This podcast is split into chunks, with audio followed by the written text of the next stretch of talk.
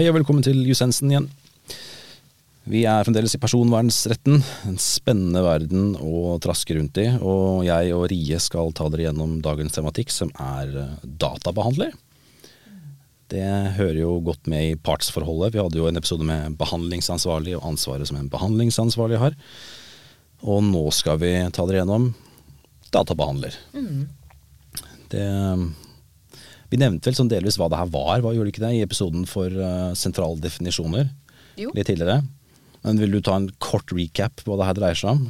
Ja, og for å bruke den fantastiske analogien min eh, fra gamingverdenen. Stemmer det, du var i den gamingverdenen. Ja, så tenker jeg at vi starter med behandlingsansvarlig, som på engelsk heter controller. Og Mm. da kan man se for meg at uh, man har den spillkontrollen som man sitter og spiller med. Ja. Og at eh, databehandler i denne analogien er selve spillet som har liksom definert infrastrukturen i spillkonsollen og litt eh, sånne ting. Ja. Men som da utfører de instruksene som du gir. Gå til høyre, ta den dragen, som vi snakka om Mm. Ja. tidligere. Så en behandlingsansvarlig er jo den som definerer hvorfor vi behandler personopplysninger, hva vi skal bruke dem til og alt det. Ja. Og så kan man få hjelp til det. Så man trenger ikke å sitte og gjøre alt selv. Og Mm. Nei. da kommer eh, ofte noen inn som vi kaller for en databehandler, som da skal følge de spesifikke instruksene som behandlingsansvarlig gir. Ja, Stemmer. For det er eh, i, i virkeligheten, når du skal faktisk jobbe med det, jobbe med det her, sånn, så er det jo faktisk veldig sjelden at det ikke foreligger databehandler. Er det ikke sånn? De fleste har vel en eller annen form for databehandler i, i virksomheten sin. Og noen praktiske eksempler kan jo være at du ja, kjøper IT-tjenester fra et virksomhet. Det kan være en, du kjøper eh, HR og lønnstjenester f.eks. Det er eksterne virksomheter som hjelper deg med det, f.eks. Eh, men de behandler altså opplysninger på vegne av deg, rett og slett. Ja, Så de har ikke noe eget formål med den behandlinga, og skal kun gjøre det som de får beskjed om. Ja. Og når vi er inne på det her med det de får beskjed om, så er vi jo litt tilbake igjen til prinsippet som vi snakka om under episoden om grunnleggende prinsipper. Prinsippet om ansvarlighet. For det er jo den behandlingsansvarlige som skal egentlig gå god for at databehandleren behandler ting lovlig og riktig og kvalitetsmessig. Er det ikke sånn? Jo, man har faktisk eh, et eget ansvar der også for å sikre at man kun setter ut den behandlinga av personopplysninger til de som man, ja, man kan si stoler på, Ja. og som har gjort noen vurderinger av å sjekke at de har ting på stell, og at de har eh, gjerne godt rykte i bransjen Ja, ja. og sånne ting. Du kommer aldri unna den ansvarligheten, rett og slett. Den, Nei, du gjør den ikke det. Eh, Men vi snakka også om eh, at de gjør det de får beskjed om, og det blir jo da primært sett forankra i det som kalles en databehandleravtale. Mm. Vil du bare kort forklare hva det innebærer, en databehandleravtale? Ja, det er rett og slett en avtale eller en kontrakt som du som behandlingsansvarlig signerer Mm. med eh, databehandleren. Og du trenger ikke faktisk å være en fysisk signatur, Nei. men det skal være eh, i hvert fall en kontrakt eh, som anses som en avtale etter eh, regelverket. Ja. Og der beskriver man hva den eh, behandlinga skal bestå i. Hva er det databehandleren skal gjøre på dine vegne? Ja. Er det å ja, lagre ting i skyen? Er det å eh, komme og drive support eh, der du er, f.eks. i bygget? Mm. Ja. Det kan være at du setter ut tjenester som HR eller markedsføring. Ja. Så en databehandler kan både være eh, personer, et byrå, eller, og, eller det kan være et system som brukes. Mm. Så det er ganske komplekst, eller kan være komplekst, men det skal alltid være en ryddig og ordentlig databehandleravtale som er ligger til grunn der, som du må eventuelt vise fram ved tilsyn på hva, hva regulerer forholdet mellom oss to, og Ja. hvem skal gjøre hva. For en databehandler har jo en god del forpliktelser også sånn sett gjennom, gjennom regelverket og gjennom databehandleravtalen. De skal gjøre ting som de har fått beskjed om å gjøre, men de har også en forpliktelse som gjelder f.eks. avvikshåndtering. Og de skal være med på å bidra for å tette eventuelle avvikshull osv. hvis de er delaktige og skyldaktige i, mm. i feilen f.eks. Så det er, databehandlere har en del ansvar på sin kappe også. Ja, absolutt. Du kan si at sånn veldig forenkla, så har jo behandlingsansvarlig ansvar for hele regelverket. Mens databehandler har eh, veldig mange færre plikter, Ja. men veldig konkrete plikter. Ja.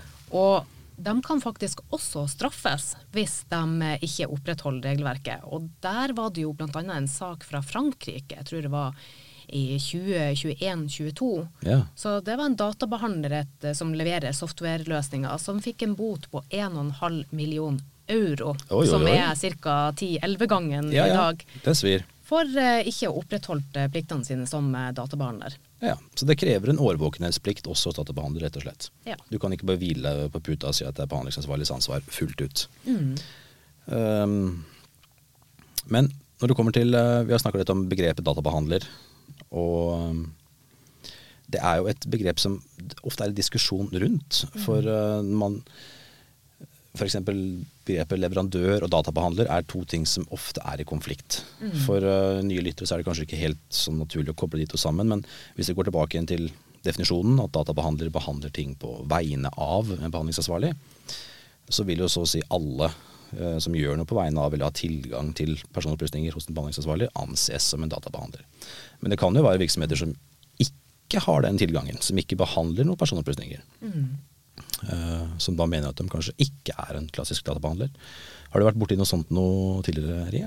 Ja, veldig mange ganger. Og selv også som eh, er konsulent ofte, Mm. så kan det bli spørsmål ja, vil du være en databehandler på mine vegne. Ja. Og eh, i de fleste tilfeller så vil ikke jeg fungere som det, selv om jeg kanskje får tilgang til virksomhetens systemer og tilgang til deres personopplysninger. Ja.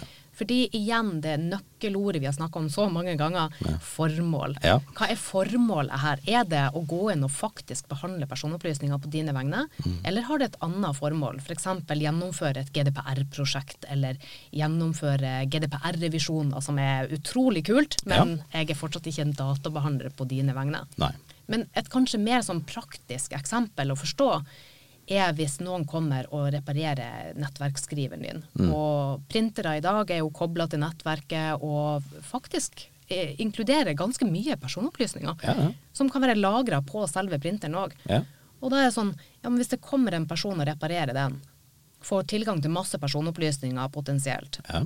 i dette tilfellet vil de ikke være en databehandler, fordi at formålet med det her er jo å reparere nettverksskriveren. Nemlig.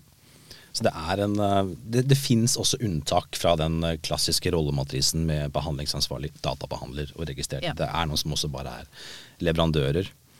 Men eh, har Datatilsynet noen, noen sånne, hva skal jeg si, føringer på hva de, hvor grensene går hen her?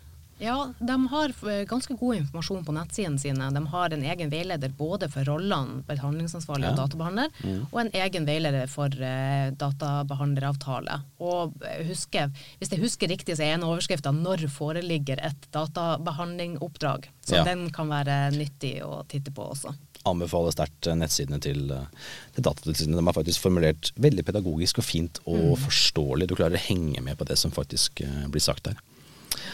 Eh, har vi pløyd oss gjennom det mest sentrale rundt en databehandler, da, mon tro, eller er det noe vi lengter etter å si nå? Ja, jeg har én ting som jeg vil legge til. Det skal du få lov til.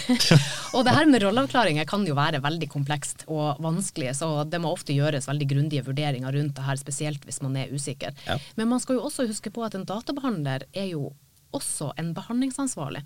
For de fleste databehandlere har jo egne ansatte, de har egne kunder, potensielle kunder, besøkende på nettsida og alt det. Så de får dobbelt opp på en måte. Først Ja, ja. så er de behandlingsansvarlige og må ta høyde for hele det regelverket. Og så i rollen som databehandler så har de færre plikter. Men eh, plikter som er relatert til behandling av andres personopplysninger. Så de har da begge rollene. Tunga rett i munnen her, altså. Ja. Ja, skjønner. Ja, men Det er jo et riktig tips å ha med seg hvis du eller når du er i rollen som både databehandler og behandlingsansvarlig. Du slipper ikke unna på noe vis her. Nei. Nei, men Så fint. Det var en søt liten episode om databehandlere. Så da høres vi igjen i neste episode, vi. Det gjør vi. Yep. Hei, hei. Hei.